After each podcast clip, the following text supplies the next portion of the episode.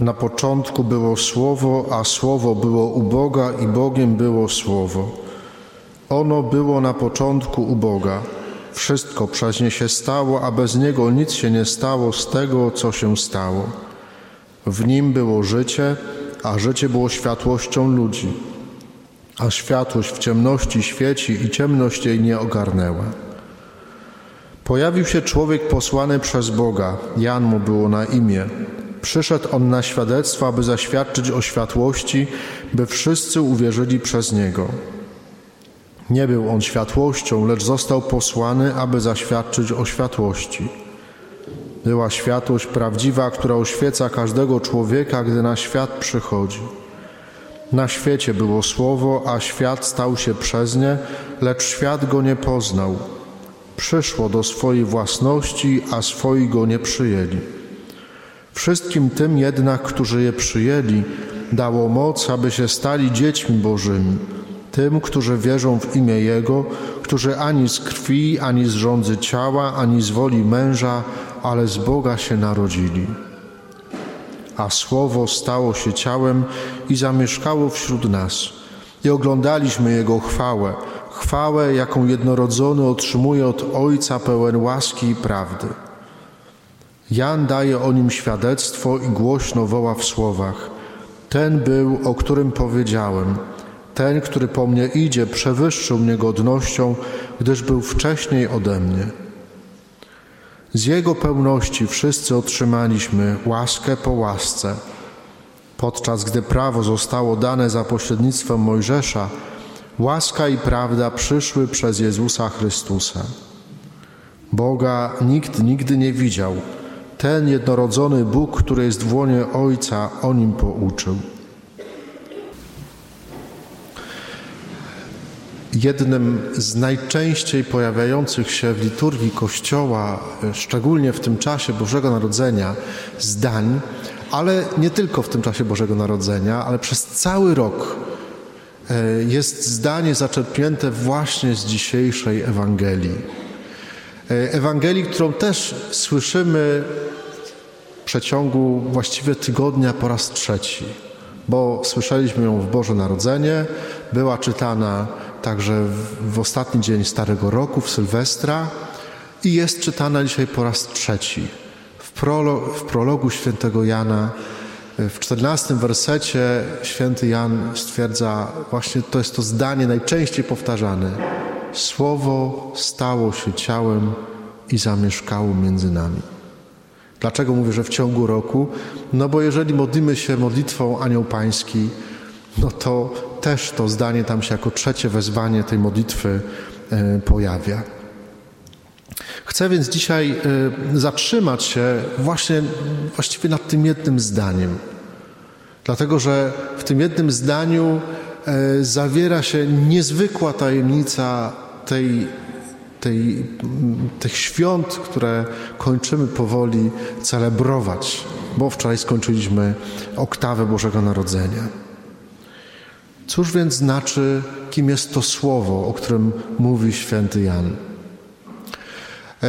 Ewangelista Mateusz i ewangelista Łukasz, którzy piszą o Bożym Narodzeniu, e, opisują nam te pierwsze chwile ziemskiego życia Pana Jezusa, używają takich obrazów, które są znane każdemu z nas. Każdy z nas po prostu, dla każdego z nas one są zrozumiałe, bo każdy z nas był dzieckiem. Mamy dzieci wokół siebie i doskonale rozumiemy, co to znaczy być dzieckiem. Jak dzieci tutaj przychodzą, obojętne czy mają dwa latka, czy mają trzy latka, czy cztery, to wszyscy doskonale rozumieją, o co chodzi w tej scenie. Że jakieś dziecko się urodziło, że jest radość z tego powodu. Że cała uwaga y, skupia się, tej rodziny skupia się na tym dziecku. To jest coś naturalnego. Tak piszą nam o Bożym Narodzeniu święty Łukasz i święty Mateusz.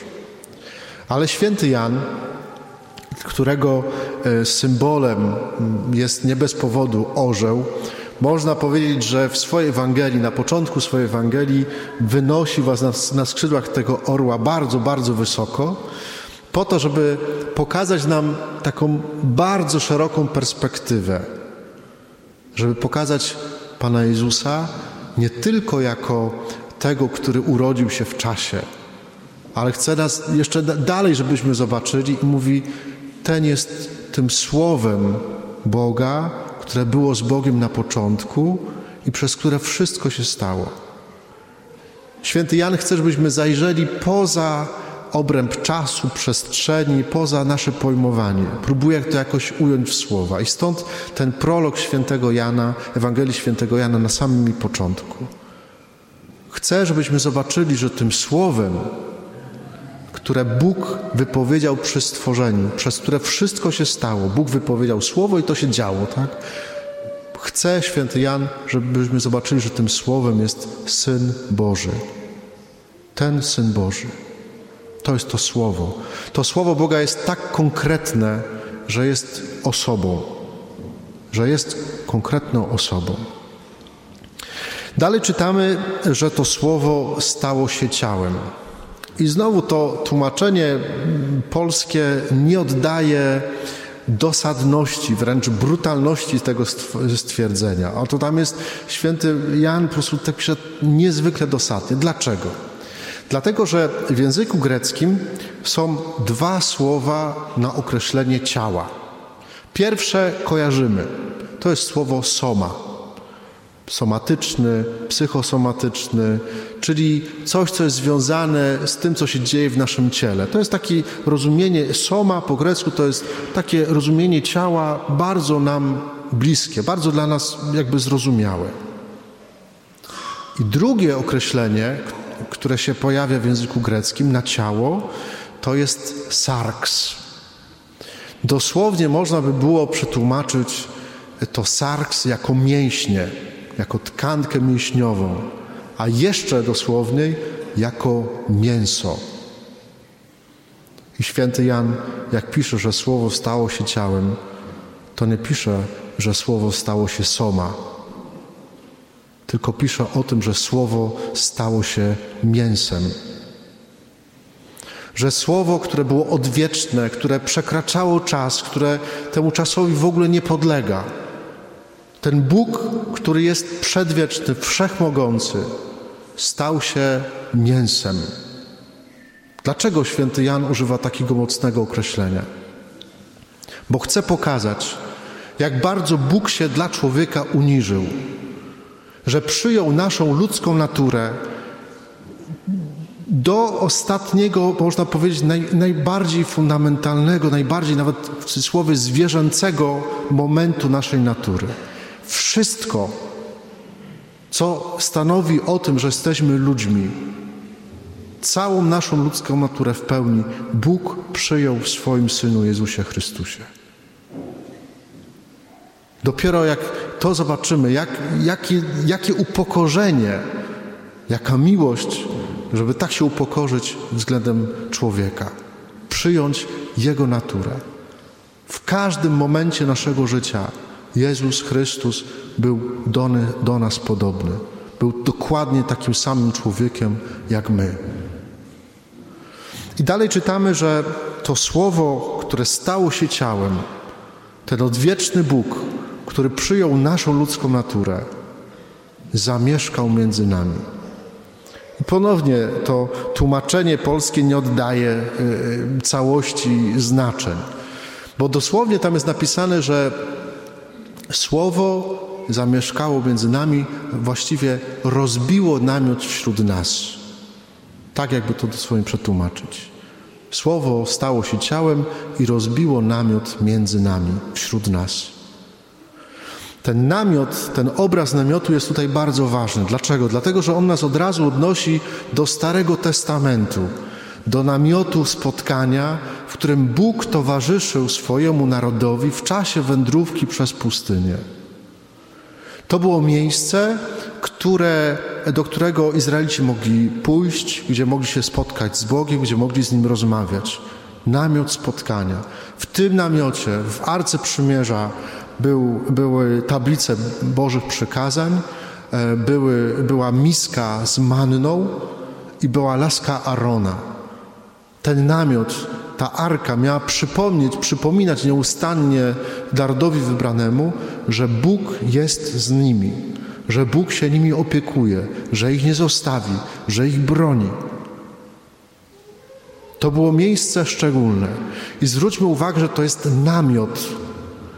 To nie jest stała budowla.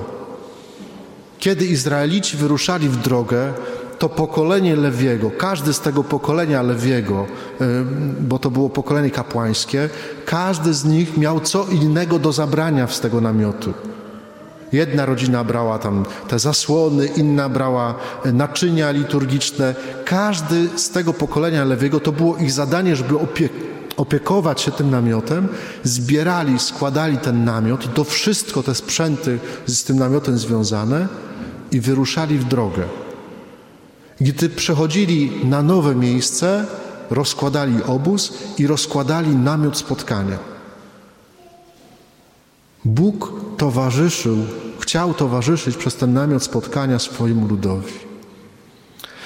Dwa tygodnie temu, no troszkę z hakiem, trzy tygodnie temu, e, miałem okazję głosić konferencję w czasie tegorocznego remontu małżeńskiego. Rekolekcje, które od wielu lat się odbywają także e, w Opolu i w tym roku były troszkę tak online, w takim hybrydowym trybie.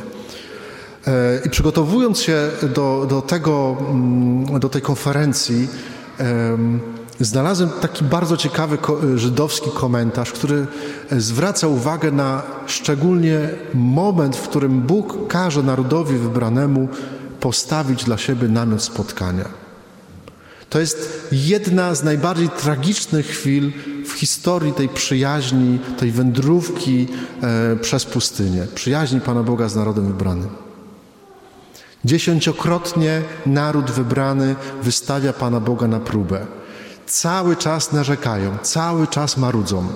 A, bo to po coś nas w ogóle wyprowadził, tam mieliśmy co jeść, po coś poszedł do tego faraona, on nam teraz każe więcej pracować, teraz nas gonisz, nas pozabija na tej pustyni, nie mamy wody, nie mamy jedzenia, nie mamy, nie mamy mięsa. Cały czas marudzą. Dziesięciokrotnie naród wybrany wystawia Pana Boga w Księdze Wyjścia na próbę. Za dziesiątym razem przechodzą wszelkie granice. Kiedy Mojżesz jest na górze Synaj, rozmawia z Panem Bogiem, dostaje dziesięć przykazań, na dole Aaron, jego brat, za podpuszczeniem ludzi ulewa złotego cielca. Zbierają złoto, ozdoby, które przywieźli z Egiptu, y, wzięli ze sobą z Egiptu i ulewają cielca. To jest Twój Bóg, który Cię wyprowadził z ziemi egipskiej. To jest Twój Bóg. Największe bluźnierstwo. Wydawałoby się, słuchajcie, że no koniec z takim narodem. Jeżeli ten naród odwraca się i zwraca się ku bożkowi ulanemu przez samego siebie, koniec z takim narodem. Ale co robi Pan Bóg? Tam jest oczywiście cała ta kara za, za ten grzech, rozwalenie tego cielca. Oni muszą później pić wodę z, tym, z tymi restkami tego cielca. No, no, dramatyczne sytuacje.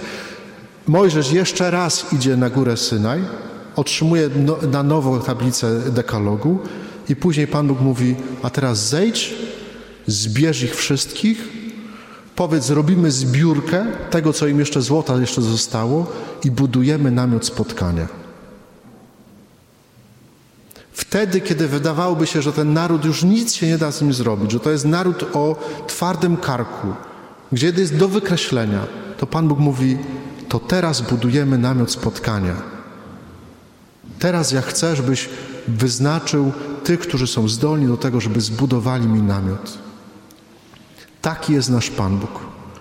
To jest ta tajemnica niesamowitej miłości Pana Boga do każdego z nas. To się dzieje, to się działo nie tylko tam na pustyni, tylko to się dzieje i o tym nam Boże Narodzenie przypomina, że Pan Bóg chce rozbić namiot w Twoim życiu, w moim życiu. Nawet jak to życie jest pełne narzekania i odchodzenia, sprzeciwiania się Panu Bogu, jak Izraelitów na pustyni. Nawet jak oddalisz się od Niego tak daleko, że postawisz sobie złotego cielca, jednego albo całe stado tych złotych cielców, to Pan Bóg mówi wtedy: Słuchaj, chcę Tobie towarzyszyć. Chcę postawić w Twoim życiu, w Twoim domu, w Twojej rodzinie, w Twojej pracy, w Twojej codzienności namiot spotkania. Chcę iść razem z Tobą. Jest tylko jedna rzecz. Czy pozwolę Panu Bogu na to, żeby postawił namiot w moim życiu? Amen.